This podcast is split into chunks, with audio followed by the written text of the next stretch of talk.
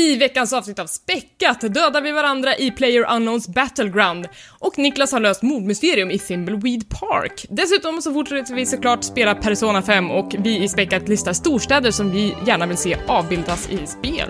Det här är Späckat!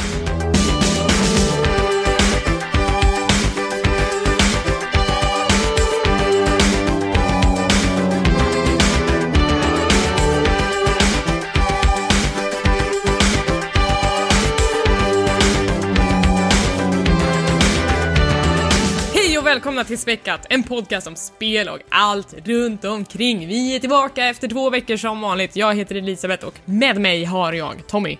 Hej! Och Niklas! Hej! Hur mår ni? Bra. Ja, Nja? Det var, det var ljummet. Berätta. dödsångest. Varför? Jag ska flyga. Åh nej, vart ska du? Berlin, med Niklas förstås och några vänner. Jaha, ni gör Jag saker kommer prata tillsammans. mer om det. Vad sa du? Ni gör saker tillsammans. Ja, det är jag, Niklas och några barndomskompisar som ska flyga iväg. Vi brukar göra det lite då och då. Men jag är alltid lika glad när jag trycker på den här köpknappen, men sen två sekunder efter så går jag bara runt i depression i flera veckor och bara Mm. räknar ner dagarna. För Så- till flygresan. Ja, precis. Det, Ja. Jag känner på mig att liksom, om jag kommer dö någon gång i livet så kommer jag skrika från 10 000 meters höjd i två minuter, sen smäller det. Det är ju själva det jag är rädd för, inte själva döden utan själva liksom vägen ner liksom. Det, det, det känns. Men det är lugnt, jag går alltid till läkaren så får jag lite schyssta tabletter, sen är jag ett kolli i några timmar. Ja, det känns som att vi har pratat om det här förut i den här podden. Ja men det är värt att nämna tycker jag Ja, faktiskt, igen. mm. Så, Det är vi kanske har att- lite nya lyssnare också. Ja, men vi synliggör ju flygrädslan också. Ni är inte ensamma. Nej. Tycker ni synd om mig när det här händer? Eller är det bara jobbigt att höra? Nej, jag är ganska sen om dig. Det är lagom. Jag tycker det är roligt. Nej. Jag får ju se det här på nära bredvid. håll. Ja, Ja. Ja. De sitter ju och bullar upp sig med massor med popcorn och allting känns som smaskar och tittar på mig. Tänker, nu, när får han nervsammanbrottet? Exakt. Jag hade en sån där riktig ångestresa en gång när jag hade glömt tabletterna. Eh, Jag skulle åka från Tokyo till eh, Los Angeles som är väl en 8-9 timmar eller någonting. Så jag hade glömt tabletterna. Dock var det väl inte så många på planet. Men, vilket gjorde mig ännu mer ångestfullt för att liksom Känns som ett sånt spökplan som bara hade liksom 20 passagerare. Men då låg över en sån här fyrsitsig eh, stolar då. Bara låg ner hela resan och skakade. men det är så jävla gött när man får en hel fyra. Som man bara kan sträcka ut sig över. Så jag kan ligga och skaka i den. Ja, Ja. det var rätt så skönt. Det är bättre än att ha ett ensamt säte. Ja, faktiskt. Kanske det. Men det är jobbigt i alla fall. Ja, jag fattar. Usch för att flyga. Fy fan alltså. Åka båt, där snackar vi. Ta längre tid då. Alright. Eh, jag ska också ut och resa. Jag har Ja. ju fått biljetter till Blizzcon. Just som går det. av stapeln senare i år. Det, det är stort. Men jag ska Ja. inte resa någon gång snart, utan det är ju inte förrän i november. Men biljetterna släpps ju nu. Och det, eller det släpptes nyss och det kommer i två omgångar och de säljer slut på typ så här åtta minuter så att det har ju verkligen varit en, en happening att sitta och försöka få tag i de här biljetterna. Och det gjorde vi, så att eh, nu eh, ska vi också ut och resa. Snart. Mm. Kul, börjar få resfeber redan eller? Eh, nej. Det, nej, Nej. men det, så är det inte. Det blir snarare kul för att vi ska försöka vara där lite längre och kanske göra lite andra grejer där på västkusten där det, där det är. Eh, så vi försöker göra en långresa av det. Så det blir Ja. kul att bara planera vad vi ska göra för någonting. Varför Blizzcon? Eller varför vill du vara där? För att Blizzard är liksom mitt bästa spelföretag. Ja, det är så. Det är ju mitt liv. Det är inte mitt liv, men, eh, men jag har ju växt upp med de spelen kanske allra längst. Det är ju Blizzard och Nintendo liksom som har varit med mig hela livet. Eh, så att det är ju liksom, ja men jag vet inte, det är lite som när jag var på den här konserten för några veckor sedan med mitt eh, favoritband från tonåren. Det är lite samma grej att åka till Blizzards egna mässa och se dem avtäcka alla nyheter och se alla utvecklarna live och på scen. Hur känns det nu då för dig med det här Starcraft-spel som kommer komma? HD, remake eller vad man nu Ja men det känns eh, superpositivt. Dels har de ju släppt en ny patch på gamla Starcraft och dessutom gjort det free to play så att vem som helst kan plocka upp tidernas bästa spel och spela det gratis. Det är Även fantastiskt. Även du kan göra det! Åh. eh, gammal RTS-klassiker från 1998 eh, och dess expansion Broad War. Sen kommer de nu släppa en HD-remake lite senare i år eh, där de har fixat till texturerna, de har gjort det så man kan spela i HD-upplösning och eh, ja, det, det kommer bli en lite hottare version och den kommer ju kosta pengar. Eh, men det känns superkul. Jag kommer ju absolut plocka upp den och, och testa det. Det var ett av mina första spel jag riktigt så, här, tokspelare på internet och började ladda ner sådana här moddar och grejer. Eller Jag vet inte om det var riktigt moddar. Mm. Nej, men det var väl- För man kartor. kunde, ja, precis. Och då kommer jag ihåg att man kunde ladda ner Final Fantasy 7-kartor. Alltså, det var liksom karaktärer som var döpta efter Final Fantasy 7-karaktärerna då. Så Mm. var det liksom som ett rollspel man kunde springa runt. Jag tyckte det var skitkul. Det var Ja. typ det jag körde. Sen vanliga campaign mission var för svårt för mig. Ja, nej, men kampanjen är verkligen skitbra skriven tycker jag. Det är så här härlig eh, rymdopera. Men, eh, men eh, när, sen när man hade spelat spelet ett par år, då hamnade man ju där i de här custom-kartorna för att det var så mycket roliga grejer personer gjorde med dem. Um, det fanns ju liksom en ganska kraftig motor att bygga egna kampanjer och egna kartor i. Och det är ju liksom, senare i Warcraft 3 så har ju det Blizzards kartmotor gett upphov till typ Dota 2 och liksom alla de spelen. Så det finns ju lite historia här att hämta. Jag är bara så jävla dålig på RTS. Jag spelade helt fel. Jag började gråta när jag spelade Warcraft för första gången. Eh, eller för första gången. Jag spelade när jag var jätteliten. För jag gillade bara att bygga de här städerna och tyckte det var hur kul som helst. Så byggde jag upp jätte, jättestor och fin stad. Så kom fienden och bara körde över mig. Så bröt jag ihop. Börja spela SimCity istället. Ja, Ja, precis. Men jag gillade det här man kunde bygga vä- Jag vet det, det var ju mycket bättre än SimCity tyckte jag då i alla fall. Det är coolt, det är rymden. Ja. Eller det är fantasyvärld om man nu kör Warcraft. Ja. Eh, men sen när man eh, ska ut och flyga så måste man ju skaffa nytt pass, det har jag ju också gjort. Och det är väl en liksom allmän grej att alla är fula på passfoton, men jag kan ha tagit tidernas fulaste passfoto. Eh, Vi kommer få se det här passfotot på Instagram. Ja, när det väl kommer och landar i min hand. Det kanske inte är så illa som jag tänker, men, men när den här poliskvinnan då visade mig bilden och sa är det här okej? Då vill man inte vara den personen som säger åh nej, jag blev så ful på min bild, kan jag få ta om den tack? Utan man vill vara en sån här cool tjej som inte bryr sig. Så jag bara, mm, det blir jättefint! Hon bara, är du säker? Ja, Ja, ja. Hon bara, för jag skulle inte använda den här bilden. Nej, men så nu blev det det. Mm. jag, jag är guilty till att ha tagit om mitt passport, eh, passfoto. Eh, det var då jag kom på att jag var eh, tunnhårig också. Jag fick en chock när det där nej. kom ut. Det där svartvita fotot. Så var det så här, va? Ser jag ut så här? Plus att jag liksom så här George Costanza försökt spara det runt omkring så jag ser bara ännu galnare ut. Försöker dölja någonting där men det är så otroligt synligt. Så, Ja. ja. Tråkig Så är plats att det. hitta, att hitta sanningen på. ja. Ta inte passfoto. Nej, gör inte det. Niklas, hur mår du? Eh, jo, det är bra. Jag, jag lider fortfarande av sviterna efter en liten fest jag hade här hemma hos mig eh, förra helgen, där vi då spelade det här Jackbox Party. Heter det så? par- Party Pack. Ja, precis. Vilket, ettan, tvåan eller trean? Ettan och tvåan. Ja. Eh, och Och jag som köpte det. det var du som köpte det. Jag tänkte nu blir det party. Ja, vi har försökt få till det här jättelänge, att vi ska spela det, men det är liksom ingen som har varit jättesugen, som det verkar. Men- Jag, jag älskar Jackbox. Det är ju stämningshöjare på alla fester typ. Ja, inte den här festen. Var det så? Är det så? Det var ju misär 2.0. Det var sista spiken i kistan liksom. Nej, men vi hade, väl, vi hade väl förhoppningar om att det skulle vara ett nyss, nytt sånt här, uh, vad heter det, bass... Uh, heter det så bara?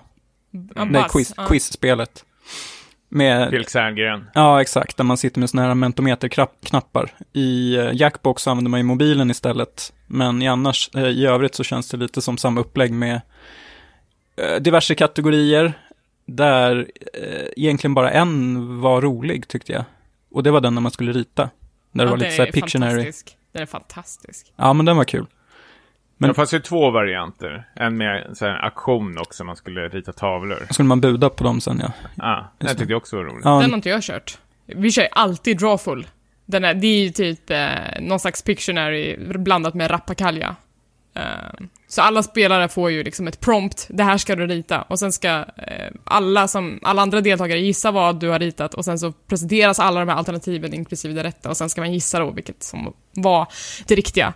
Eh, så då får ju den som ritat får ju poäng om de andra gissar rätt, eller så får man poäng om någon gissar på ett eget förslag som kanske inte alls var korrekt. Exakt. Um, och jag tycker att det är hysteriskt roligt. Ja, nej, men det var, det var kul, men det, det värsta med Jackbox tyckte jag var att den här, om man säger programledaren som skulle liksom läsa upp frågorna och sen hålla på så här, skämten mellan frågorna var ju liksom, tog upp mer tid än själva tävlandet känns det som. Så han var ju hundra gånger värre än Felix Herngren. som var jobbig på den tiden liksom. Ja. Så den här tävlingsinstinkten eh, infann sig aldrig, inte hos mig i alla fall. Det var mest när man satt och så här kollade på varandra. Ja, vad, vad var det här då? Aha, okej. Okay. På, mina, på mina fester då, som jag brukar gå på, som ni inte går på, eh, där så brukar den den tiden, då börjar folk liksom prata med varandra om det som precis har varit, så att liksom alla struntar i det för att man är så uppe i varv över det som precis Jaha. har hänt i omröstningen. uh, ja. Så klagar över den fula tavlan som man blivit ritad, eller vadå? Nej, men uh, ja, till exempel. Nu har inte ja. jag kört just den, men uh, ja. Okej, vi får gå på dina fester kanske. För ja, de är mycket roligare, det har jag gjort. ja. Eller så är vi bara ett otroligt tråkigt kompisgäng tror jag. ja, risken finns ju alla, Ja, precis. Alla satt och pillade navelludd efter det där. Ja, det var en där upplevelse faktiskt. Tråkigt! Jackbox. Ja, vi tog ju igenom hela båda spelen och provade alla eh, sådana här, eh, vad, vad, säger man, kategorier, genrer, eller vad nu Ja, men det är spel. ju spel i spelen. Ja, precis. Eh, men det var ju, de här frågesporten var ju, i första spelet så är det någon vanlig quiz-frågesport. Och det var ju, jag, jag fattat vad det var som hände. Han bara skrek i ansiktet på en eh, hela tiden. det gick så snabbt alltihop. Det var någon eh, amerikansk college-humor över hela känslan. Ja, men det är ju så här, alla de spelen är ju inte bra, utan man måste hitta guldklimparna. Mm, uh, mm. Så vi tycker typ uh, Quiplash och Drawful är ju superstarka. Sen i trean så finns det ett som heter TKO där man ska typ så här, para ihop bilder och slogans på t-shirtar och det blir... Det låter inte så himla kul på pappret men sen när man kör det, alltså vi, vi typ ligger på, på, på golvet och gråter av skratt för att det blir så dråpligt. Hmm. ja. Ja, Vi sagt. tog fram Yatzy. Old people. ja. ja. Oh, har vi fått några ja. frågor? Ja, vi har ju fått frågor. Vi ska spara en till lite senare, men vi har ju fått en fråga från ett Landin som frågar vad vi tror om Heroes 2.0. Lite kontext till det här. Precis just nu, när vi spelar in, så håller Blizzard på och lanserar en jättestor uppdatering till Heroes of the Storm. Och eh, jag som, eh, jag vet ju att Per Landin eh, spelar jättemycket Heroes of the Storm, så att han vet förmodligen mer om det här än vad vi gör. Men eh, Tommy, du får du... komma hit och prata om det. Eller hur? Kom hit och prata om det. Eh, men Tommy, du har ju spelat lite Heroes innan. Har du, eh, spelar du fortfarande? Är du pepp på det här? Jag började spela faktiskt för några dagar sedan för att, nu när det kom nys om den här uppdateringen för jag skulle liksom kolla in och liksom värma upp tänkte jag för den här 2.0-patchen. Jag spelade väldigt mycket när det var nytt, både under betan och sen när det släpptes som eh, fullspel. Eh, men det som är nackdel med sådana här Moba-spel, alltså om man tar en paus, nu har jag säkert tagit en paus på ett år eller någonting, att det kommer så här 20 nya hjältar och alla har blivit liksom buffade eller nerfade och man har liksom ingen koll alls vart man ska börja. De har ju fått ett otroligt eh, katalog nu med alla de här hjältarna. Så det var väldigt så här, oj, vad ska jag välja och varför? Jag fick nästan panik när jag såg eh, alla de där. Så jag körde min eh, Demon Hunter som vanligt, Safety Card. Mm. Det som kommer eh, i den här stora uppdateringen ska ju vara Eh, nu kommer jag kanske ha lite fel, men det kommer ju, de kommer ju göra om hela level progression-systemet eh, så att din totala spelarlevel eh, är baserad på alla heroes som du har levlat upp. Och tidigare så kunde man bara levela upp dem till level 20, men nu har de liksom lyft den capen och man kan nu levela dem liksom i princip hur långt som helst. Um, sen har de också gjort om så att de kommer införa de här lootboxesarna som man känner igen från Overwatch eller Hearthstone. Uh, och det här tycker jag är lite av en cash grab. Eller vad säger du? Mm. Tommy? Ja, jag vet. Jag har aldrig varit för de här lootboxarna. Alltså det här är ju ett gratis spel förstås, så jag vet inte, jag har inte så mycket att säga om det då. Eh, Nej, då måste det är sant. känna in det, det på något sant. sätt. Jag, jag blir väl lite mer förbannad när jag betalar ett fullprisspel och ska ändå köpa massor med saker. Ja, det är, och det är sant. Men, men det, i just den här uppdateringen så har de ju lagt in så otroligt mycket kosmetika. Det kommer ju komma så här 70 nya skins som kommer lägga till emojis och announcer packs och det kommer vara banners och det kommer vara liksom, alltså så mycket kosmetika i spelet och allt det här då ska man kunna få i lootboxes eller så kan man köpa det för shards eller riktiga pengar eller in-game-valuta, ja. Det, det, de, lägger ju, de måste ju tjäna någonting på det här spelet, det är ju klart. Mm. Men allting låter ju bara hittills som mest liksom, ja, kosmetika, alltså siffror och sånt eh, för spelaren. Men liksom själva spelet, gameplayet, banor, kommer det bli några ändringar där? Vad vet vi om det? Uh, jag vet att det, det här behöver vi kanske ha kollat upp eller någonting ja, Det kommer komma en ny bana. Uh, det kommer vara Hanamura från Overwatch. Mm. Uh, den kommer bli en payload-bana, vilket den inte är i Overwatch, men det kommer den vara i Heroes of the Storm. Uh, och sen som sagt, två nya hjältar. Genji kommer och sen så kommer de avtäcka en ny hjälte ikväll. Som, mm. det får, när podden släpps, då vet vi vilken hjälte det är. Okej. Okay. Ja. Uh. Uh, oh, jag, jag, får se, jag kommer säkert ta upp det igen, men jag är inte så superpepp faktiskt. Det här är mm. väl Eh, för mig personligen är det väl Blizzards svagaste spel tycker jag faktiskt. Jag är inte så jätteinne på Moba-genren heller så kanske det är därför. Hur, hur, känner du själv för det här? Jag känner väl att det är, jag hela den här level progression-delen, det tror jag är bra för spelarna som har investerat så otroligt mycket tid i det, att man får mm. lite mera liksom på pappret, så här, så här mycket har jag liksom lagt ner på det. Eh, så det tror jag är jättebra. Men eh, det osar cash grab, men jag förstår också varför de vill ha pengar. Eh, så att det är klart att det är positivt när spelet utvecklas och jag tycker att det är bra att Blizzard har lite öronen mot marken och känner efter att nu behöver det här spelet eh, en liten eh, en liten uppdatering och de tvekar inte för att göra ganska stora uppdateringar för att liksom, det ska rimma med vad spelarna förväntar sig av det. För att precis som Heroes of the Storm så har ju precis Hearthstone fått en jättestor uppdatering nu i Journey to Angoro där man också har ställt metat på ända liksom för att de är väldigt måna om att spelarna ska ha kul när de spelar spelet. Mm. Uh, och det får hur, man ju beundra. Hur, hur ser Hearts, äh, Hearthstone, nu blandar jag ihop de här, Heroes of the Storm ut på e-sportscenen då? Är det stort eller? Det finns en e-sportscen men den, den mäter sig ju såklart kanske inte mot eh, Dota eller LOL eller Overwatch för den delen, utan den, den, den puttrar på, men den har liksom sitt eget lilla race, skulle jag säga. Ah, okay. eh, sen följer ju inte jag den sporten slaviskt, men, eh, men den, den, finns ju och den, den lever i allra högsta grad. Mm. Mm. Mm. Niklas, ska du spela det här? Gratis? Nej, eh, jag är med. Då är jag mer sugen på Starcraft i så fall. Jag ska spela något Blizzard-spel. Ah, mycket ja. bra. Mm. I approve of this. Bra. Ja. Jag vill ha, ha det här peka-klicka-spel som de gjorde förut. Eller det släpptes aldrig. Men de släppte ju ett Warcraft eh, peka-klicka-spel. Ja! Eller de släppte aldrig det. Men Nej. det utannonserades så fanns massor med bilder. Man spelade med en Orch och så Det var ju någon som läckte det. De, de hade ju fått tag på spelet. Så att man kunde ladda hem det under en period för några månader sedan. Ja, precis. Det var inte hela spelet. Nej, det var, det var nog, del utav det. ja men typ ja. arbetsfiler.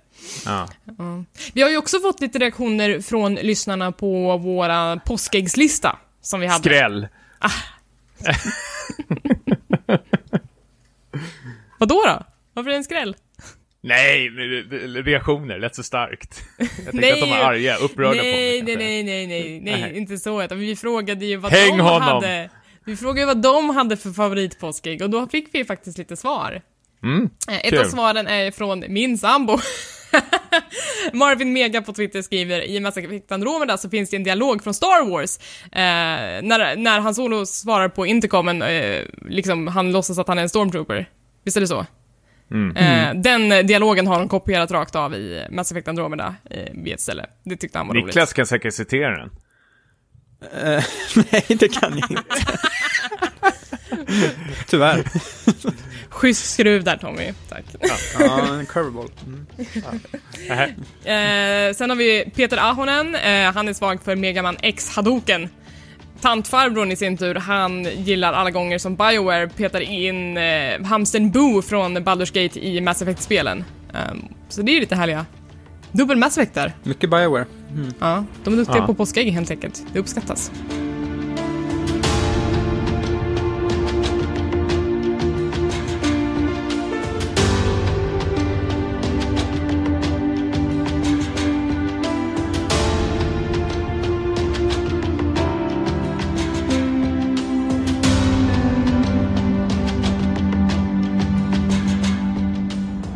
Tommy och Niklas, ni har spelat det stora Twitch-sensationen PlayerUnknowns Battleground. Det är ett spel som jag har kikat lite grann på, det verkar svinkul, men eftersom jag har dedikerat all min vakna tid åt Persona 5 så måste ni berätta för mig vad det här är. Åh, kan vi inte prata om Persona istället? Nej, men det kan vi göra sen. Det kommer, det kommer. Ja, kan inte hålla med. Ja. Ja, Tommy, vad är det?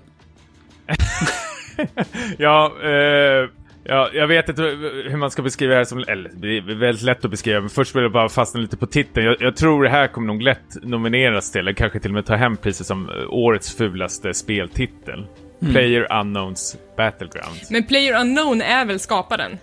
Ja, precis. Det, det är liksom hans, hans tag. Men, men det låter väl inte lika sexigt som man säger Sid Meier's eh. Civilization? jag, jag tror folk kommer nog säga bara Battleground, eller PUBG är det väl? Ja, PUBG. Precis. Verkar så. Äh, men han, är ju, han har ju gjort någon slags sån här mod till eh, DayZ för jättelänge sedan som var någon slags så här Battle Royale-grej och sen gick han väl vidare till det här eh, H1C1 King of the Hill. Där det också var samma sak, du kastar ner massor med spelare under en karta så ska man väl liksom eh, försöka vara någon slags last man standing. Men nu har han släppt sitt eget spel, det är fortfarande i någon slags early access. Och, eh, folk som inte känner till det här är ju att du är 90 plus spelare som liksom kastas ner för en jättestor eh, karta. Du får ju själv välja var du ska liksom landa med den här fanskärmen. Och sen liksom snabbt som fan liksom hitta loot. För man landar helt eh, naken, ska man väl säga faktiskt. Ingenting har man på sig och då gäller det liksom plocka upp ammo, plåster och sen är det bara liksom ut på jakt eh, efter de andra spelarna och liksom försöka vara eh, sist kvar. Herren på täppan, man... på något sätt. Ja, precis. Eh, och samtidigt som det här händer, även fast det är en stor karta så kan man ju tro på direkten att det är ett spel som tar liksom väldigt lång tid, eller de här omgångarna, att man bara mest springer runt. Men det är ju som gör är att den här kartan krymper och krymper, inte själva kartan, men det är liksom som en cirkel som liksom drar ihop spelarna. Man får inte hamna utanför den här cirkeln för då liksom eh, dör man. Vilket gör liksom alla måste eh, jobba sig in mer och mer in mot mitten på den här cirkeln då för att eh, överleva. Ja, Eh, vad säger du Niklas? Eh, det stämmer. Och man kan ju spela det här antingen själv, eh, eller så kan man spela som en duo, alltså med någon kompis, eller med ja, upp till tre kompisar, alltså totalt fyra stycken då, i samma gäng. Eh, och så kan man ju para sig ihop också såklart. Vi har ju spelat i alla fall tre stycken som mest, tror jag. Och det eh, finns ju ett visst mått av taktik här, att dels som du nämnde att man ska då försöka plocka på sig så mycket vapen som möjligt, men sen om man upptäcker att man har landat liksom eh, så väldigt långt bort från den här eh, cirkeln där man ska bege sig, då kan det ju vara värt att eh, till exempel någon ger sig av för att hitta ett fordon, för det finns ju bilar också här. Eh, men de är väldigt sällsynta ska sägas, så det är liksom inte som i Battlefield att det dyker upp fordon lite här och var, utan bilar ska man vara rätt så här glad om man hittar och hålla fast vid. För sen blir det då att man får en viss tidspress på sig att plocka på dig så mycket du kan nu innan tiden går ut och den här cirkeln krymper.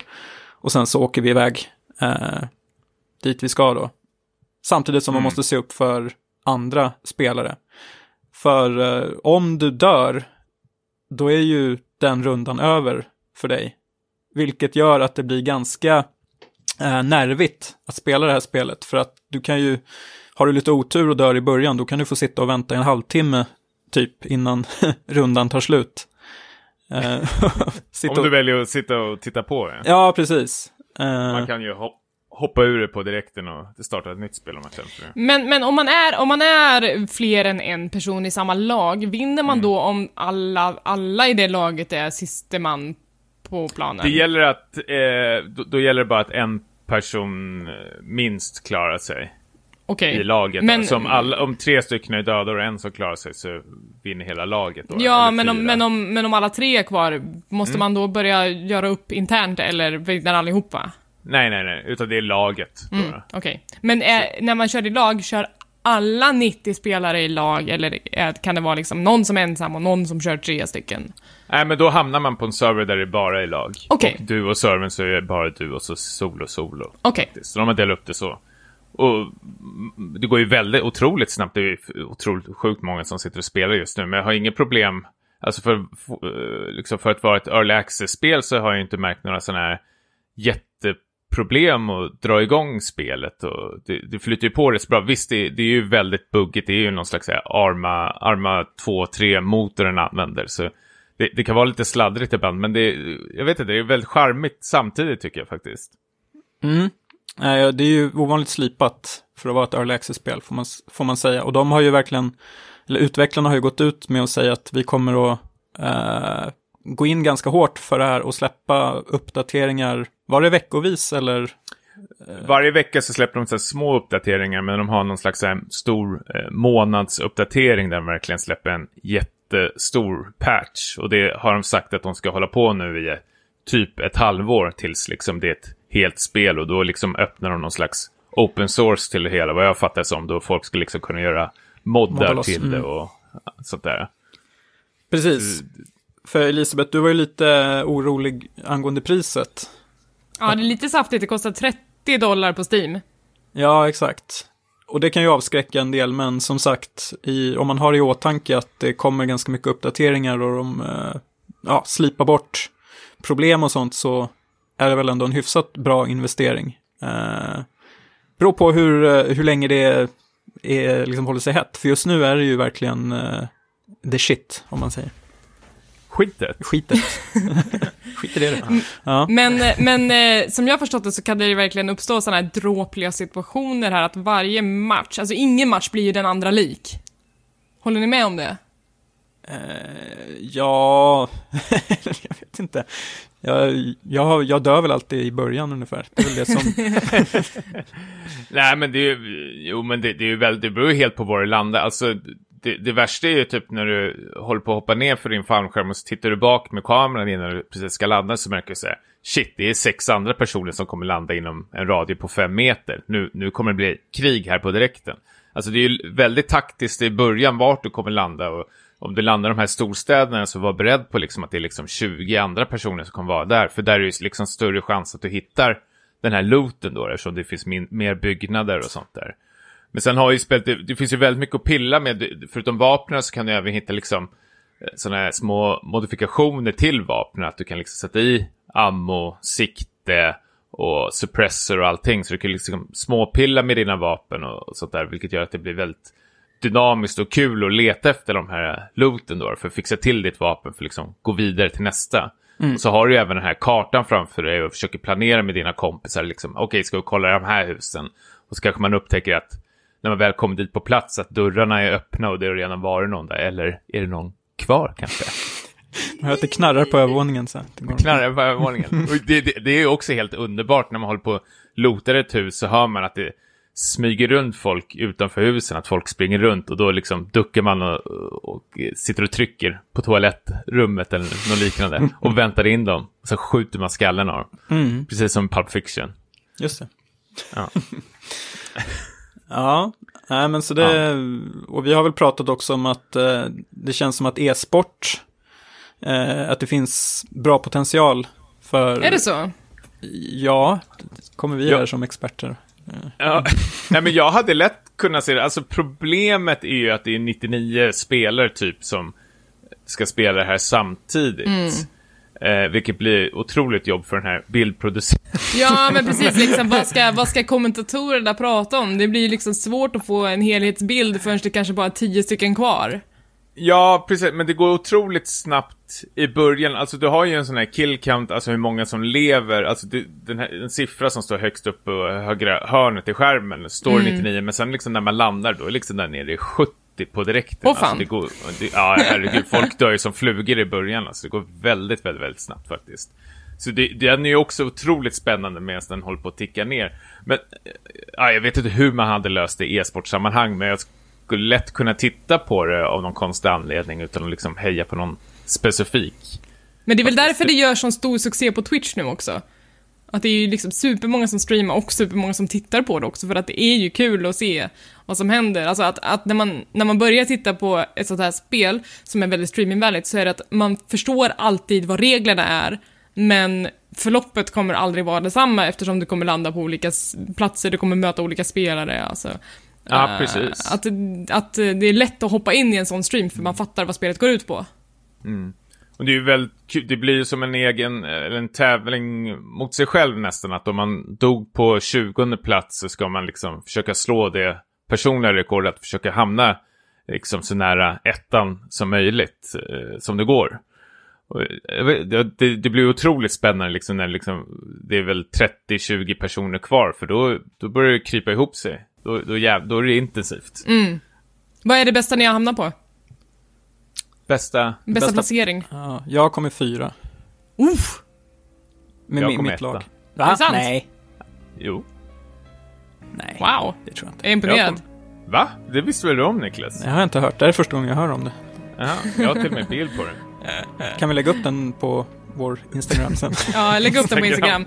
Vi måste ju veta om vi har en PubG-mästare i, i Ja. eh, panelen. Ja. Nej, jag... Nej. Äh. Ah, Inget särskilt. Jag ja, bäst i världen på det här och Persona. Ja, Just det. Fan, har jag tagit bort bilden? det var typiskt. Jävla skit.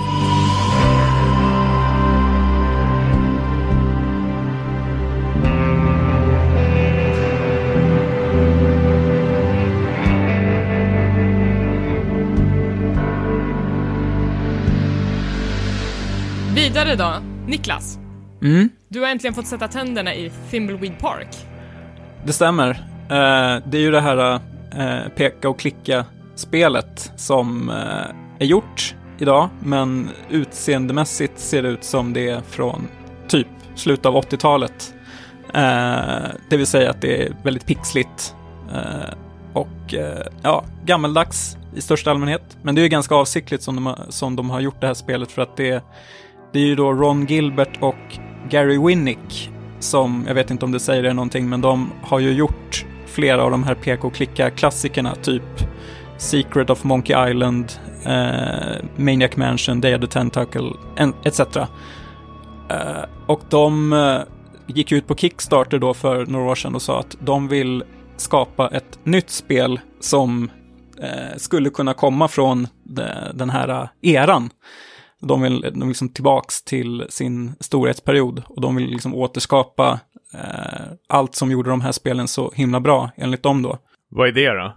Jo, men det var väl mycket, eh, dels den här eh, humorn som är väl ganska eh, känd från deras spel och även Tim Schafers spel, lite så här nördhumor kan man säga, som talade till många som eh, växte upp med de här spelen uppenbarligen. Uh, och så finns det väl, det är väl liksom bra, mycket berättarglädje kan man tänka i de här uh, spelen. I alla fall om man läser intervjuer med de här eh, Ron Gilbert och Tim Schafer så verkar det som att de brinner verkligen för att berätta de här historierna. Och sen så, ja, som sagt, det är ju då Lucas Arts som var företaget som låg bakom spelen. Så de hade ju rätt, hade ju till exempel Indiana Jones varumärket som de då eh, gjorde ett spel av också. Men eh, luften gick ju ur den här genren lite. Gr- Green Fandango som har... Ja, precis. De brukar ju säga, de, det nämner de ju också i den här Double Fine-dokumentären, att det, det var ju liksom ett så här, ansågs vara ett mästerverk, men eftersom det ändå gick relativt dåligt så var det som ett, ett tecken för alla förläggare att man skulle inte satsa på peka och klicka-spel, för att om inte ens Grim Fandango kan eh, göra bra ifrån sig, då, då kan vi lika gärna begrava den här genren. Eh, men som sagt, nu, nu, finns, nu är suget tillbaka, uppenbarligen. Ja, speciellt Telltale har väl varit med och hjälpt till lite grann i att återuppliva den här genren, tänker jag. Ja, jo men verkligen. De har ju tagit ett lite nytt grepp på den, känns det som. Uh, Medan det här, Thimbleweed Park, är ju väldigt traditionellt. Eh, med att du går omkring, eh, handlingen i korthet är att du går omkring i den här staden, Thimbleweed Park, som eh, en av fem olika karaktärer som då på olika sätt eh, korsar vägar med varandra, kan man säga. Typ som Maniac Mansion. Ja, men det är Maniac Mansion-upplägget igen. Och det utspelas 1987, vilket är då samma år som Maniac Mansion kom ut. Så att det finns Oj, ju en hel del paralleller. Referenser. Många referenser. Vi pratar ju om Easter eggs som sagt och det är, här är det ju liksom överlastat med påskägg och sånt. För de som eh, kan sin Lucas Arts finns det många referenser till, ja, Maniac Mansion bland annat. Eh, nästan så att jag tycker att det blir liksom lite för mycket av att eh, jag, jag, känner, jag har ju inte spelat alla de här spelen direkt och det är mycket som går över huvudet. Uh, jag vet, Elisabeth var ju inte ens född när de kom. Nej, nej du. jag har ingen relation till det här. Du har inte spelat något av de här gamla? Nej, inget av dem. Vet du, Tommy, du lirade väl Grim Fandango nu här ganska nyligen och menar att det inte håller? Jag var en av de som missade Grim Fandango. Eller jag spelade det lite, men eh, släppte det ganska snabbt typ när det kom. Jag var en av de som dödsförklarade den genren. var med och begravde den. ja. ja, precis. Um, men uh, Thimbleweed Park då, det är ju väldigt mycket, som sagt, den här gamla sedvanliga humorn från Lucas Arts med de här karaktärerna. Och, och det är som sagt, det är väldigt mycket att man ska bryta den här fjärde väggen. En av de här karaktärerna är eh, spelutvecklare som, som håller på att söka jobb på Lucas Arts då, medan det utspelas. Så det är väldigt mycket så här självmedveten humor. Och så lite sånt här att eh, eh medan spelet eh, utspelas så pågår det någon sån här Thimblecon i staden. Som är nog, ja, ni fattar, någon Comic Con-variant. Mm, mm. Så det finns lite moderna inslag, eller vad man kan säga också. Så inte helt liksom, uh, bygger inte helt på nostalgi. Men, uh, uh, jo men jag hade, jag hade ganska trevligt ändå med detta.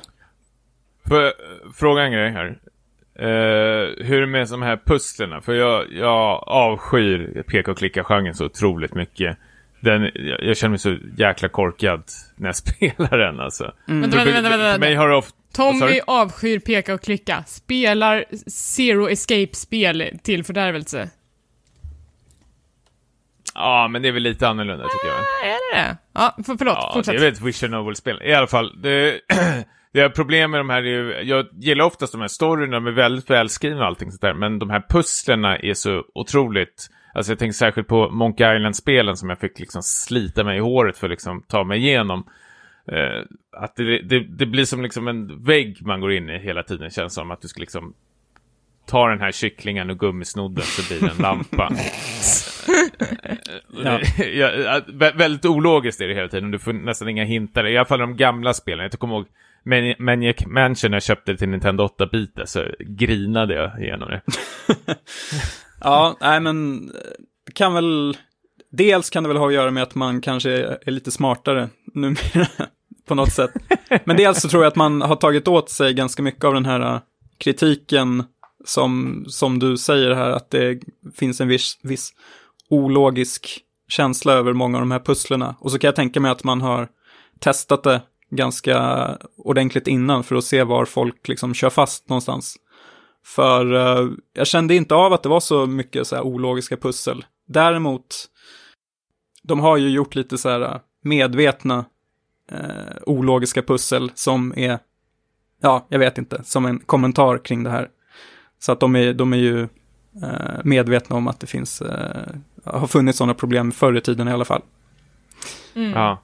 Men av, ja men jag vet inte, det känns som att Peka och klicka får ju ett uppsving, men, men hur tycker du att att eh, Timberweeds Park står sig mot liksom de andra samtida peka och klicka-spelen? Är det liksom, är det bra eller är det liksom okej? Okay? Uh, alltså jag, jag tycker att det är, det är bra. Alltså de, de har ju lyckats med, de har levererat på sitt löfte det här med Kickstarten att de skulle göra ett spel som eh, skulle kunna ha kommit ut samma i, i den här eran i slutet av 80-talet. Så det har de ju verkligen lyckats med. Alltså det ser ju väldigt fint ut. Eh, dialogerna är liksom inte så att man garvar ihjäl sig kanske, men de är ju liksom... de är ändå att man, man kan... Hur ofta gör man det i Ja, men typ. Jag läste någon recension när någon sa att de hade skrattat käken ur led åt Thimbleweed Park. Jag har lite svårt att tro att det är så roligt är det inte, men det är liksom mysigt är det. Mm. Uh, det är så bra musik, det är uh, den har en speciell, den här Lucas Arts-känslan. Som, eh, som de här spelen har. Så de har ju lyckats, men de, det, det lutar sig väldigt mycket på nostalgi, det gör det ju. Det är inte att de liksom tänjer på gränserna och bryter ny mark någonstans direkt. Men det tror jag inte att de här backarna ville ha heller. Så det är väl i sin nej, ordning att det, att det är äh, ganska mm. traditionellt. Mm. Eh, Hur tycker du, är det här någonting du skulle rekommendera för mig då? Nej, det tror jag inte. Jag tror, jag tror du skulle hata det här ganska hårt faktiskt. Är det så? Vadå då? Nej, jag tror inte du gillar den här uh, humorn. Eh, jag tror inte du skulle uppskatta Va? den. Nähä. Eller? Är det dratta på arslet-humor eller? Nej, Men men det, Stefan och Christer. det är inte buskis på, på den nivån. Men eh, jag, jag har fått för mig att du inte gillar... Är det liksom på samma nivå som Night in the Woods? Nej, det... För det gillar du Tom inte heller. Please. Ste, stel, stel humor. Ja, nej men i och för sig, alltså man... Om, om du gillar, Tim Schafer är, är ju, han och Ron- Ron Gilbert har ju ungefär samma typer av, liksom, det är den här jargongen som de har som eh, i sina spel. Eh, Nej, men jag kan uh, uppskatta, jag, vet, jag förstår vad du försöker komma till, fram till, men jag kan uppskatta den typen av humor, men grejen är att det blir sådana avbrott för mig hela tiden med de här jävla pusslerna. mm. Eh, så jag vet inte, man kanske ska köra någon eh, playthrough istället på det här spelet. Ja, antingen det, eller så, det finns ju en, en lättare variant där man slipper de värsta pusslerna i Thimbleweed Mm. Park. Och så finns det en för hardcore-spelarna då som eh, vill ha en utmaning. Så Ja. eh, det skulle väl vara casual-varianten då i så fall. Jag, jag har ingenting emot pussel, jag har bara emot så här ologiska Ja, pussel. Jag älskar ju eh, The, The Witcher, eller på att säga. Witness. The Witness. Ja, just det. Precis. D- där var ju otroligt bra pussel och roliga. Men jag vet, det är någonting med peka och klicka pussel. Jag förknippar alltid med så här, dra i spakar och eh, hålla på. Men det är ju exakt det som är i Zero Escape också. Det är Nej. så här, plocka upp det här provröret, häll i den här grejen, ställ det i ett annat rum, dra i en Ja, spak. men det känns lite logiskt. Du får lite bakgrund till det och varför du gör det sånt där. Istället för att du får plocka bara upp massor med saker på golvet så ska du liksom eh, combine dem och allting sånt inte alla gånger. Ibland, inte alla gånger. Nej, inte alla gånger. Nej. Men eh, jag tycker det är stor skillnad i alla fall. Okej. Mot... Ja, som sagt, jag, är ju- jag har inte spelat så mycket LucasArts, så jag vet inte exakt hur ord och Ja, nu kommer det Men fram! vadå, jag sa ju det alldeles nyss. Det var inget nytt. Ja, nu kom det fram igen! Men, va? men är du sugen på det här då, Elisabeth? För det är ju relativt billigt, får man säga. Det är bara 20 nu dollar. låter jag som en snåljåp, att jag bara gillar billiga spel. ja, precis. Eh, nej men alltså jag... Vår egen von Anka. Nej, men det var ju, det, om, det, här, om det är någon som skriver Goty-varning, vilket man har gjort på det här spelet, då får jag ju det här uh, fear of missing out, FOMO, uh, att jag måste spela det. Eh, Ja. Och i den kategorin så, ja, då är jag ju sugen på att spela det. Men inte, inte för att jag är sugen på genren peka och klicka, utan för att jag har hört att det är ett väldigt bra spel. Du vill ha en åsikt? Ja, jag vill ha en åsikt. Ja. ja, men det är bra. Då ser vi fram emot den i ett framtida avsnitt. I ett framtida avsnitt, kanske 2020 hinner jag spela det.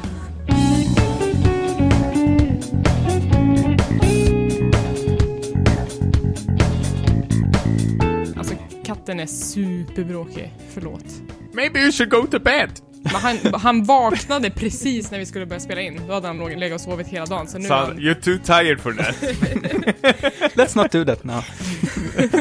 alltså, men, men Sputnik är ju en inverterad Morgana. Jaha. Eh, för min katt, han bestämmer sig för att jag ska vara vaken istället för att jag ska gå och lägga mig. eh, Morga- Morgana i person är så här. du är för trött för att göra det här. Men Sputnik är mer såhär, nu är det dags att vakna, klockan fem på morgonen. Så, och då liksom, då går han runt och trampar i mitt ansikte, han trampar inte på min sambo utan det är bara i mitt ansikte. Och sen så liksom, jag, för, jag har ju liksom I've lost my patience with this cat, så jag typ slänger ner honom på golvet, jag kan typ, såhär, typ eh, lyfta bort honom, jag kan knuffa bort honom alltså ganska våldsamt, men han skiter ju i det totalt. Eh, och sen varje morgon, klockan fem, då ska jag upp. Och sen när jag går upp, då sätter jag mig i so- soffan och spelar Persona, eh, då går han och lägger sig igen, för då har han gjort sitt jobb. Dra han i svansen lite. Ja. Hur känner du känns? Eh, så därför så har jag spelat Persona 5, liksom. Man kan se mig så här inloggad på Playstation Network klockan sex på morgonen och bara kötta Persona. För att jag har inget bättre för mig. Ja, men hur, nu har vi ju alla tre lagt lite mer energi och, och tid på Persona 5. Hur känns det för er nu då? Eh, några timmar in. Eller hur långt har ni kommit? 45 timmar, halvvägs. Ja, till vad då? Ja, till, jag, jag har ju förstått att det är ett 90 timmars spel, typ. Ja, Det beror ju på hur du spelar. Ja, men jag spelar ganska, jag läser fort, jag klickar bort text fort. Mm. Ja, jag är 31 timmar in. Jaha, Niklas fortsätter. Vad hände här? Va, vad trodde du att jag skulle lägga ner? Ja, du, du tycker väl inte om JRPG så mycket? Eller det är väl det är en död genre för dig? Ja, nu, Eller? nu lever den igen. Liket lever. Liket lever. It's alive. Jaha. Ja, eh, nej, men jag vet inte om jag nämnde det förra avsnittet, men jag, jag, jag uppskattar ju att eh, delar av Persona är eh, rätt gammaldags med de här turordningsbaserade striderna. Eh, det gillar jag. Och, eh, men också att hela den här uh, Tokyo-inramningen är ju helt fantastiskt Och sättet som, eh, eh ja, som man levlar upp, eh, bygger upp sina stats genom att eh, hänga med andra personer, alltså sina kompisar och folk man träffar på stan och så vidare. Det finns liksom alltid någonting man vill göra. Eh, och sen är de ju kanske lite smarta, Atlus då, att de eh, täpper till vissa möjligheter via, som vi har pratat om, den här Morgana-katten som verkligen är bestämd när det gäller liksom vad man, eh, när man får gå ut på stan och så vidare. Eh, vilket gör att man alltid känner så här, shit, okej, ja men eh, jag måste brygga kaffe, jag måste lämna tillbaka de här DVD-filmerna. Det, finns, det är något så här, vad heter det, time management-spel Mm, på det sättet. Kanske det jag gillar som gör att jag tycker det känns så fräscht. Mm. Ja. Men jag tror inte alls du skulle tycka det var kul att eh, prata med eh, de här personerna och lära känna dem mer och sånt. Alltså, Men det gillar du? eller? Alltså jag gillar eh, att vara ute med dem på tu man hand. Och liksom Mm. när man lär känna dem och så. Sen så förstår jag ju Elisabeth eh, som trycker förbi dialog snabbt. Det kan hända här också när man... Eh, för, för man märker ju ett mönster att eh, de, de ska alltid förklara hur det ligger till med Phantom Thieves situationen där. Att okej, nu måste vi gå in i ett nytt eh, palats och så vidare. Och så, ja, den här sa, samma gamla visa då inför Ja. varje... Eh, Man måste, vi måste säkra infiltration route och sen så måste vi stjäla skatten, men först måste vi skicka ett calling card, alltså att man går igenom allting om och om igen. De gruppdiskussionerna som man får i samband med main quest, de är ju ofta väldigt så här: ja, ja, ja. Och Ja, så men exakt. skippar man förbi dem. Hoppas det kommer gå bra nu när vi skickar... Vad tror ni? Tror ni det blir en change of heart? Ja, Ja, vi får väl se. Verkligen. Man sitter där samtidigt såhär!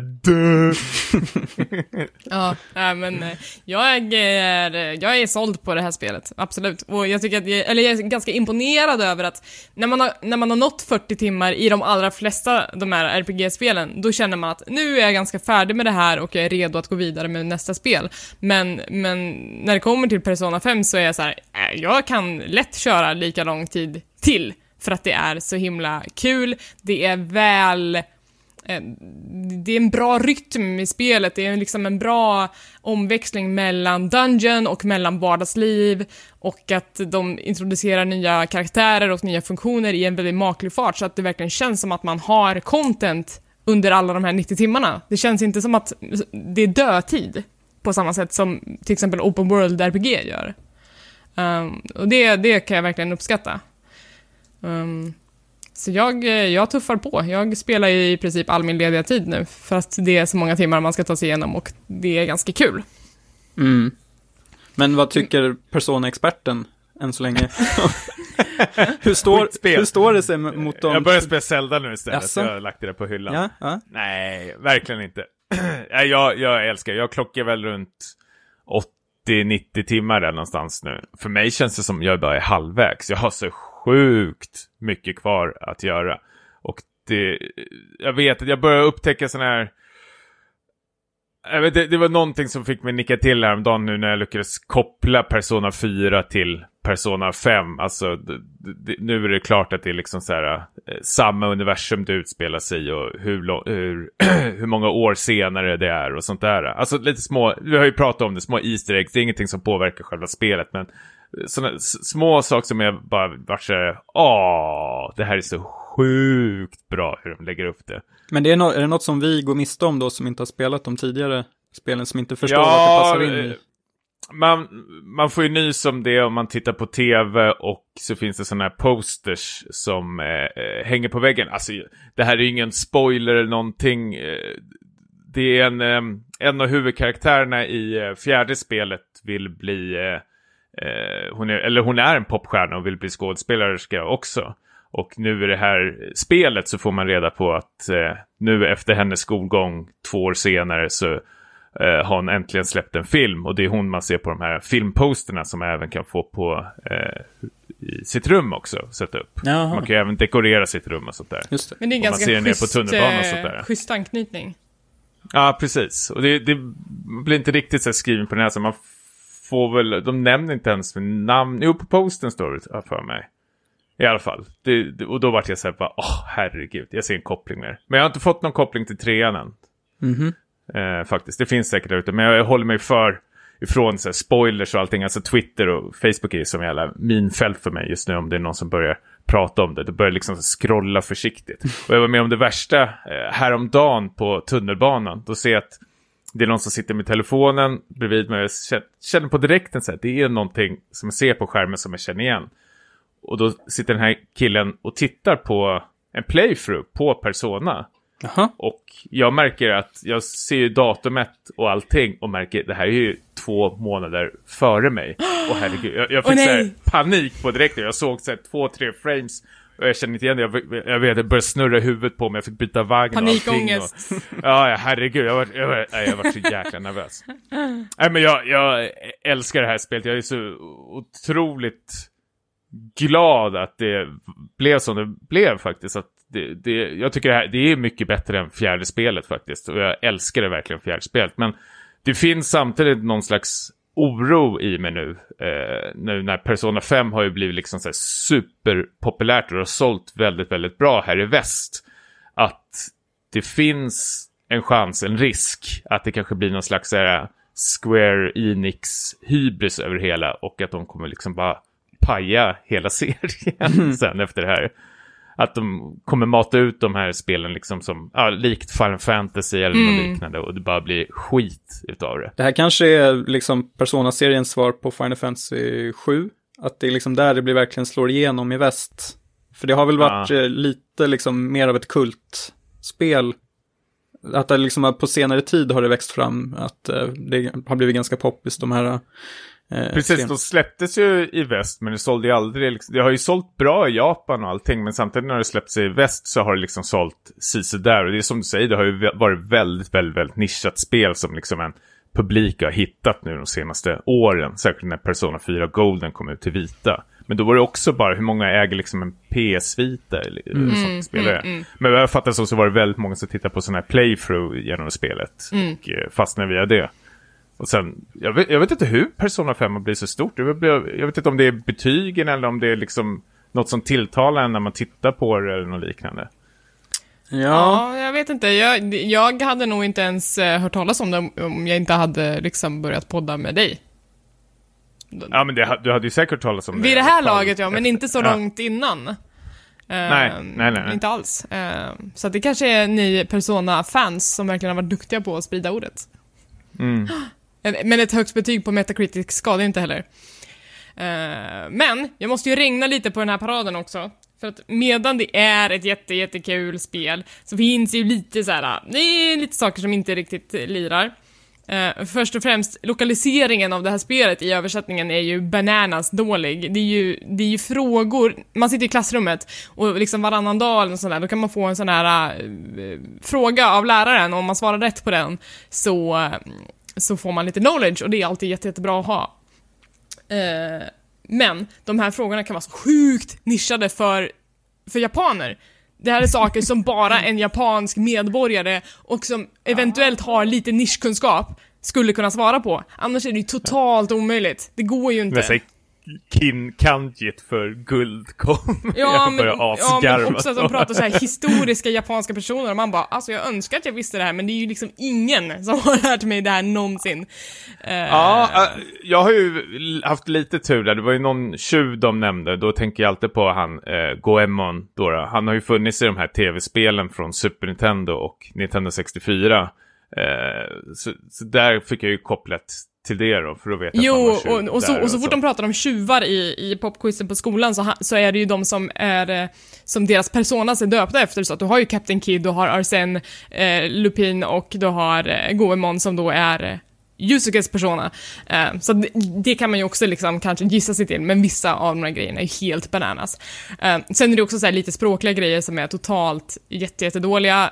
Det finns eh, folk som jobbar... Tips där, för, för, förlåt, ah. jag, jag, vill bara, innan du går vidare ah. där. Tips är ju faktiskt eh, att kolla på tvn på um, sitt rum, för den nämner de lite då och då, alltså lite historia eller någonting som händer runt omkring som kan liksom ha anknytning till frågorna som ah. kommer några dagar mm, senare mm. faktiskt. Ja men det är verkligen ingenting på tvn som är irrelevant, utan det, allting som sägs på radio och tv kommer ju påverka ditt spel vid något tillfälle. Så det, kan, det är alltid en bra idé. Uh, men sen är det också så här rena översättningsgrejer som är jättedåliga. Det finns så här, uh, över, översättare som har skrivit bloggposter om hur illa det här verkligen är. Uh, att det verkar vara ett havsjobb det är väldigt mycket som ska översättas och det verkar ha gått lite för fort. Um, och sen så pratade ju du, Tommy, förra veckan om att det kanske var lite tråkigt att, att det inte fanns några eh, romansalternativ som inte var straight för huvudkaraktären. Men, men det här spelet har ju inte bara det, alltså det är ju rent homofobiska nidbilder i det här spelet som inte är okej. Okay. Um, ehm, när man kommer till en viss stadsdel så stöter de på liksom den här stereotypiska eh, homosexuella männen som då kidnappar ah. en av ah. karaktärerna och är så här riktiga predators. Eh, och de går och liksom har, viftar på, med så här handleden och, är, och har rosa kläder på sig. Man bara Ugh! Det är ju verkligen bara ett skämt för, för spelutvecklarna. Och det är så otroligt osmidigt. Det, jag vet exakt vad du pratar om. Det är sån otrolig jävla skämskudde man har på den, just den scenen. Den de, är, de, de kommer ju en gång med. till också när de är på stranden och ska ragga på tjejer, vilket också är en så sjukt ofräsch scen.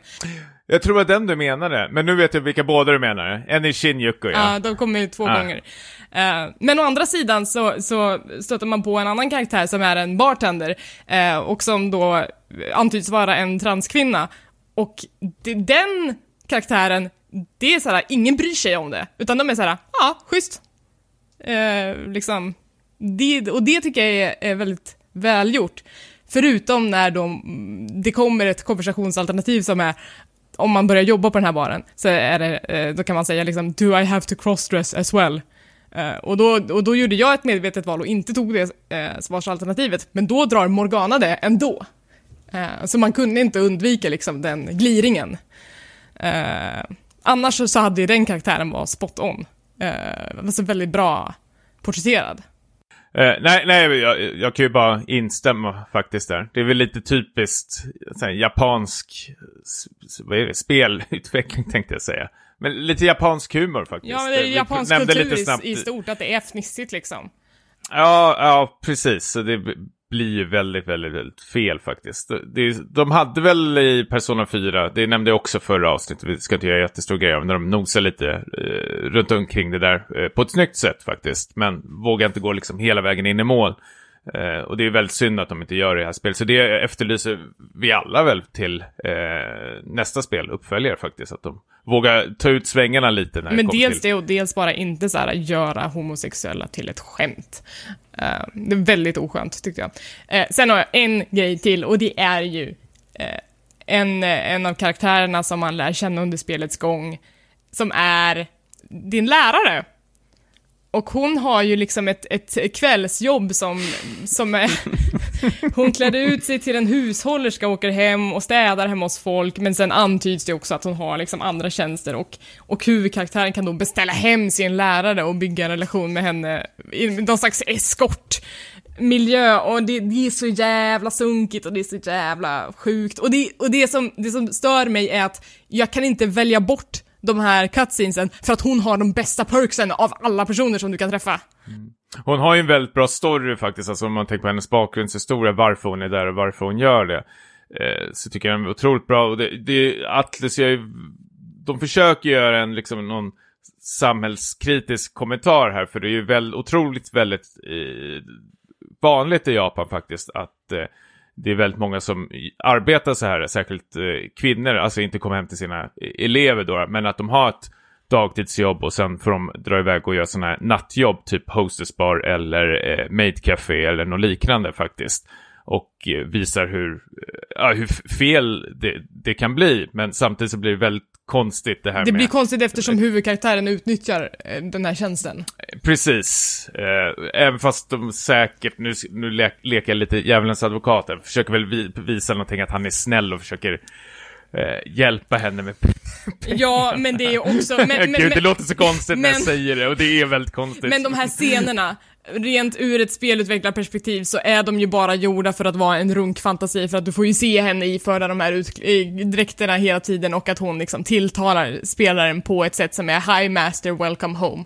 Eh, det är ju bara en runkfantasi i princip. Uh, och, så, och, så, och så är mycket av de här scenerna med de kvinnliga tjejerna och det är ju någonting man får ta med japanska spel som vanligt. Uh, de glasögonen får man liksom ta av sig.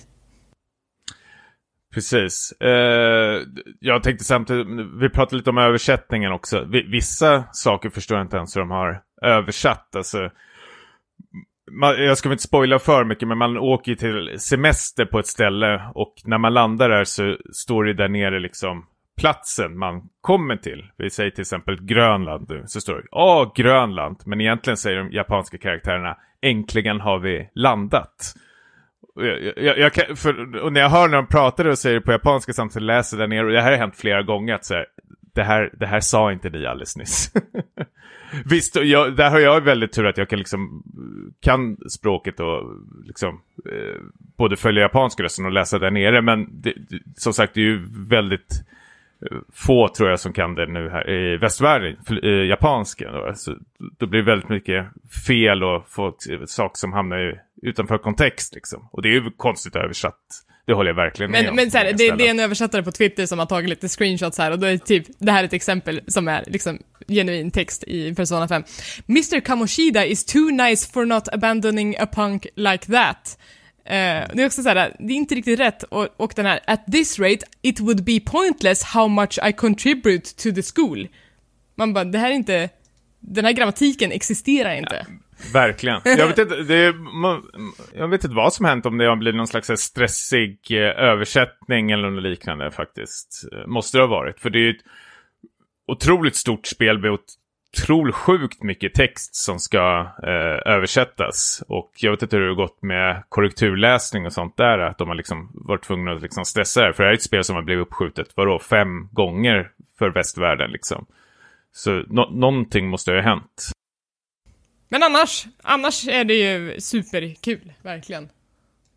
Ja, det är ju världens bästa spel. Så. Nej, det, det, är, det är fortfarande Starcraft. Nej, men jag, jag, alltså så här, jag börjar tänka, för folk börjar alltid nämna 2007 och 2008 som en av de bästa eh, spelåren. Och jag undrar nästan 2017 inte om... är ju med på den listan nu. Ja, ja, fan det är helt jävla galet det här spelet. Jag började spela Zelda nu vid sidan om eh, för skojs skull. Och det var så här, öppningen i Zelda, de första, jag spelade de första 20 minuterna och det är så här, god damn it, vilket jävla spel det är redan nu känner jag på direkten alltså. Och som sagt, återigen, jag har inte knappt rört eh, Horizon, det vill jag också bara kasta mig över. Och då har vi, jag har liksom sex spel som jag liksom sätter toppbetyg på. Det, det, jag, jag tror inte det har hänt innan faktiskt. Nej. Vilken, vilken, what a time to be alive. Ja, verkligen. Alltså det är helt sjukt alltså. Sen, jag, jag tycker vi nästan ska göra något eh, avsnitt där vi får gå igenom alla och spela alla de här avsnitten så får vi nästan prata lite djupare om det. För nu känns det som vi liksom har bara eh, nosat lite på... Du vill, Ja, du vill precis. prata Nier Automata spoilers. Alltså jag vill... Och gud, jag har en eh, spoiler-podcast där de pratar om Nier Automata. Jag, ingen av mina vänner har hunnit spela det än. Och det var så jävla skönt att sitta och lyssna om folk sitter och pratar. Alltså shit alltså, Nier Automata. Jag må... Åh, herregud. Alltså jag, får, jag vill spela om det spelet. Det är helt jävla galet alltså. Och jag säger, vilket jävla år för japanerna också. Det är väl bara de som har levererat i stort sett. Ja, och, Nästan. och, och, Nej, nu kanske jag tar i. Nej, men, Nederländerna har ju också gjort det. I Horizon. Nederländerna? Ja. Horizon. Ja, Horizon. Ja. Ja. Men jag tänker liksom, så- alltså Japan, jag har inte sett liksom så här bra japanska spel på liksom, det känns som liksom ett decennium. Jag, jag kommer inte ihåg vad det liksom riktigt bra japanska spelet jag spelade senast. Visst, det, de, de här Danganronpa där gillar jag, men jag känner det här är ju någonting större ändå, de som har kommit nu senaste tiden. Mm. Eh, Vilken revansch. Ja. Eh, vad, vad, vad känner du inför spelåret Niklas? Det... Jo, men jag, jag håller med. Jag, jag har ju mycket att, att ta igen i sommar, har jag tänkt. Eh, ställer in mina resor och spelar ikapp. Jag tänkte vi måste få med eh, en fråga här som kom in från eh, at Pretolicious, vår kompis Polygonprettot, som vill höra vilken Phantom Thief som är bäst och vilken som är sämst, både i strid och att hänga med. Vad har vi för Phantom Thieves, preferenser? är, Phantom Thieves är ju då den här gänget med huvudkaraktärer som man kan spela som.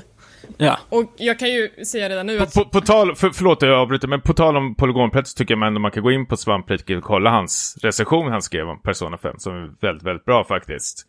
Eh, rekommenderar jag verkligen. Där han drar upp lite eh, nackdelar. nackdelar Ja, faktiskt det var, det var ju bara, Väldigt en, det var ju bara en lista på nackdelar egentligen, men... men eh, Ja, men det var väldigt mycket bra poänger där, tycker jag. Eh, men Phantom Thieves är alltså, alltså de här spelbara karaktärerna och jag kan ju säga att, att jag har ju inte ens låst upp alla som jag har förstått det. Det kommer ju komma fler karaktärer under spelets gång, trots att jag är halvvägs. Alltså, fuck vad... alltså det är... Åh, det är så mycket jag vill säga alltså.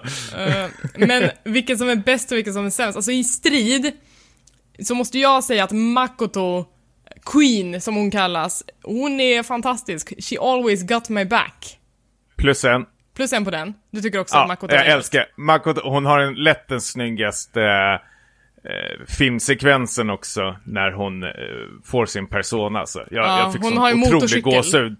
Ja, men när hon drar av sig masken Ah, och motorcykeln kommer in. Jag var så här, fuck yeah. Det var nej, en av årets scener alltså. Det var Ja. helt otroligt alltså. Ja. Niklas, eh, vem är bäst i strid? Ja, det är väl hon. Katten! Nej. Nej, men jag håller med. Eh, jag har precis fått henne så jag tycker hon är vassast. Däremot, eh, han är pretto-snubben, eh, vad heter han? Yusuke, Yusuke. eh, Fox. Yosuke. Yusuke. Har jag väl inte riktigt fastnat för. Och jag, ty- jag tycker inte han verkar så kul att hänga med heller. Han är, han är den som är sämst rankad för mig faktiskt. Jaha, ja. Eh, Du firade väl din födelsedag med honom tyckte jag såg. Nej, det var Mishima, Ja. eller? Var det inte det? Nej, Nej, okej, det var han. Mm. Ja, Otroligt trist. Jag tog in honom på rummet, satt och tittade på film, han på att prata om konst. Jag bara Slängde igen Eh, dörren. Jag, eh, jag är ju inte ett fan av Ann. Hon fick eh, sätta sig på bänken först av allihopa faktiskt. Men det var inte hennes fel, utan det var ju för att Morgana hade så osköna lines så fort hon krittade. för att så fort, så fort Ann gör en critical hit så skriker Morgana “You're so gorgeous” och man bara “Det är inte relevant, Ann, ut med dig! Jag vill inte höra på det här”. Hon har också fått byta kläder till sina vinterkläder för jag vill inte se den där catsuiten. Jag kunde inte ha slängt ut Morgana då? Det är väl inte Nej ens men fel att... Morgana gör callouts ändå.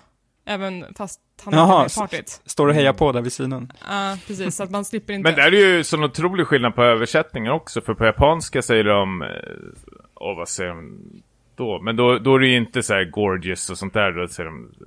Sugoi yabai no! eller mm, någonting så här, vilket betyder typ grymt jobbat eller något liknande. Eh, ja, så att eh, hon får sitta på, på hyllan för mig och jag, jag brukar inte hänga med henne heller för att jag tycker att ja, hon är ganska bland. Hon har nog den svagaste storyn skulle jag säga också faktiskt. Eh, tyvärr. Eh, faktiskt. Och så vart jag ihop med henne. Åh, gud vad jag ångrar. Jag ångrar, jag fick typ panik när de där valalternativen kom. Så tänkte jag, äh, nu jävlar kör vi. Och så bara sitter I love you. jävla... Ja, och så bör, ströp jag ihjäl henne såg det ut som, nästan när de höll på att kramas. Usch, får göra slut. till. Ja, nej, eh, jag, jag ångrar verkligen. Men min fru dejtar Makoto så jag får eh, titta eh, där. Så. Ja, men jag vet inte, jag, jag tror att jag nog helst hänger med Makoto också nu, men hennes storyline har kommit till en liten paus för jag måste uppgradera mina stats. charm. Eh, Charmen måste upp. Ja, den måste upp. Jag måste bli mer trevlig att vara med. Eh, så att eh, jag ser fram emot att avancera den biten. Hon är så himla härligt duktig flicka. Eh, och sen så liksom försöker hon göra slut med den tropen, fast egentligen så fortsätter hon att vara en duktig flicka, men på sitt sätt. Och det, det tycker jag är nice. Mm. Eh, hon har en bra röstskådis på engelska också. Det, jag tycker att det, hon är bra. Jag gillar bara hennes design, allting, hennes vapen. Hon har en slags här, revolver eller vad hon har. Så har hon väl Knuckles som slåss med. Jag bara älskar henne som fan alltså. Jag tycker det är skitcool karaktär. Men eh, då kanske vi är överens att eh, Makoto är bäst alla kategorier. Späckat topp tre.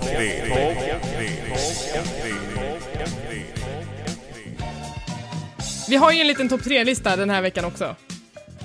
Ja, men det knyter väl an lite till att vi är så imponerade av Tokyo i Persona 5. Att vi började fundera på vilka andra storstäder skulle vi vilja besöka i tv-spel? Eh, och vad för typ av spel vill vi ska utspelas i den här storstan? Um, ska jag gå ut uh, först då? Ehm, jag, jag, säger då, eftersom vi ska åka dit, jag och Tommy, då blir det då Berlin. Och eh, då skulle jag vilja att det utspelas eh, 1989, strax innan muren faller då.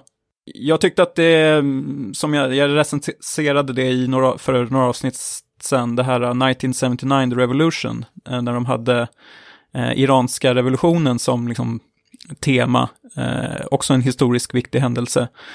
Och jag tycker det här behöver inte liksom handla om just det, men det kan vara en intressant fond. Och så kan man berätta en historia kring det. Eh, och eh, ja, vad ska det vara för typ av spel då? Jag, jag tänker mig ett rollspel, typ i stil med Persona och med drag av Shadowrun, det här gamla Super Nintendo-spelet. Lite cyberpunk-aktigt då. Eh, och så kan man ju bes besöka de här eh, Alexanderplatz och Brandenburger Tor och allting. Och så kanske Bowies Berlin-trilogi som soundtrack. Vad fan vet jag? Någonting sånt. Bowies Berlin-trilogi? Ja, visst. Jaha, hoppla. Mm. Jag tänkte mig att man skulle välja Lou Reeds eh, Berlin. Jaha, ja, det är väl en smaksak då kanske, men uh, kanske får plats båda två. För finsmakarna? För finsmakarna. ja. Uh, jag kan uh, fortsätta. Jag har ju en stad som ligger mig väldigt varmt om hjärtat och det är för att jag har släkt där och att jag är där väldigt ofta och det är ju Beijing i Kina, huvudstaden där. Jag tror du skulle säga Forshaga, jag bara, det här det är väl en storstad.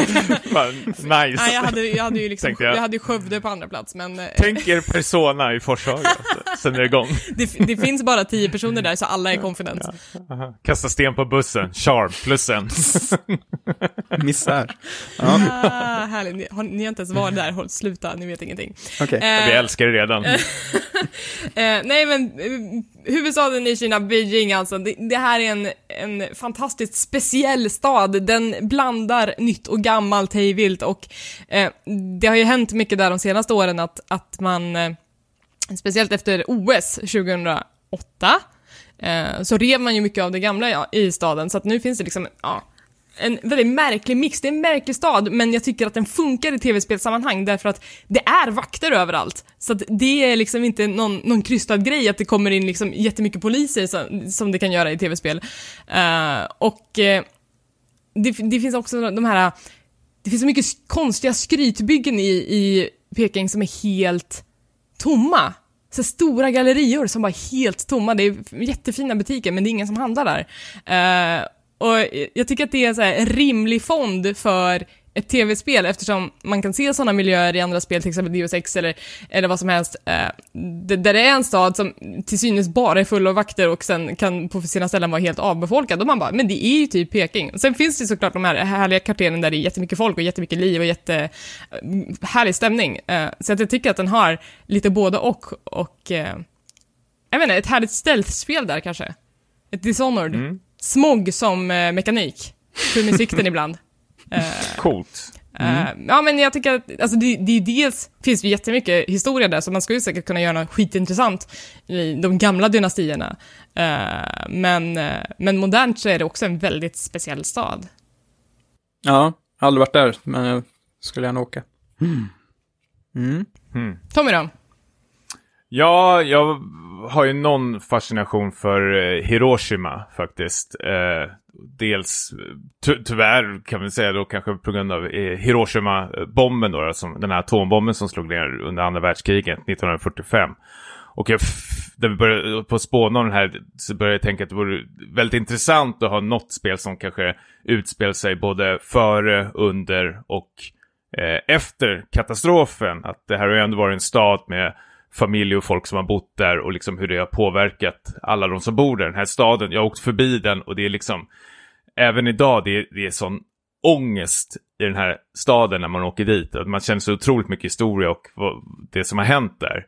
Och det vore väldigt intressant att se något slags, eh, det låter så dumt när man säger spelupplevelse, men något så kanske ta hand om någon slags generationsliknande, att man kan få spela eh, någon familj som utspelar sig i olika generationer under den här Hiroshima-epoken då, då. Som sagt, före, under och efter faktiskt. Det som händer runt omkring där. Tankarna för ju väldigt mycket till den här japanska filmen eh, Eldflug Eldflugornas grav. Ni känner till det, det är förstås i Kobe, men det är väl samma sak där, att det är en hel stad som blir eh, bombarderad och så eh, är det de här två barnen som försöker överleva. Så något slags eh, liknande Hiroshima skulle jag vilja faktiskt eh, undersöka och eh, någon slags social spel faktiskt. Mycket peka och klicka, prata och lyssna på människor. Ologiska pussel.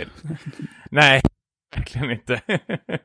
Nej, men det, det, jag tror man känner till Hiroshima för det som hände, men jag har sett lite så små dokumentärer när folk som överlevde som har bott liksom runt omkring där och har klarat sig från katastrofer så har ju otroliga vidriga eh, berättelser eh, faktiskt som är väldigt intressanta och eh, otroligt sorgliga faktiskt att, att höra. Mm. Så, ja, vad, tråkigt det vart. Nej men, eh, Det kom, ja. nej men jag gillar att det finns utrymme för de här mer historiska berättelserna. Det tycker Mm. jag absolut. Eh, men lyssnarna får jättegärna tipsa om städer som de skulle vilja se uh, förevigas i ett spel. ja, verkligen. Det, här är kul. Ja. Afrika, mer sånt. Det ser man ju typ aldrig heller. Resident Evil 5. Ja, Vilket då? Femman? det. Ja, Ja. Ja, just det. Mm, Det Då var- ska jag spela det. ja, eller inte. Nej. Inte så bra kanske. Aha, okej. jag har kickstartat ett spel som utspelar sig i Sydafrika tror jag. Jaha. Det ser jag fram emot. Mm. Har vi inget spel som utspelar sig i Egypten? Känns ju som flera spel. Kän- Prins- De här Uncharted känns väl väldigt i någonstans norra Afrika. Typ Aladdin-spelet. Nej, jag vet Ja, just det. inte. Det inte. Lyssnare, ni får jättegärna skicka in och berätta vad ni eh, skulle vilja se för städer som ska förevigas i ett spel. Det kan man ju göra via Twitter, där heter vi @späckat. Eh, Man kan höra av sig till oss på Instagram, där heter vi @späckatpodd, eller via mail. Den heter späckatpodcast.gmail.com. Jag var tvungen att tänka efter lite där. Eh, samma sak om ni har frågor, funderingar eller nå- någonting helt annat ni vill prata om, så skicka det eh, till oss. Då blir vi jätteglada och vi svarar jättegärna. Eh, om man vill kontakta oss privat, Tommy, var når man dig? Eh, Twitter, Tommy understreck Jansson och Instagram Stimpas. Var har jag fått det namnet ifrån? Ingen aning. Vi fortsätter. Niklas. Niklas. Eh, Niklas Lundqvist, Twitter, OneLessNiklas, Instagram. Elisabeth. Och jag heter Hangry Eli på Twitter och Hangry Spice på Instagram. Där postar jag bilder på katten som väcker mig om morgnarna. Eh, Morgana. ah! Mm, mm, där har vi något. Eh, och om ni tycker att Späckat är en grym podcast så glöm inte att lägga en liten stjärna eller recensera på iTunes för då blir vi jätteglada.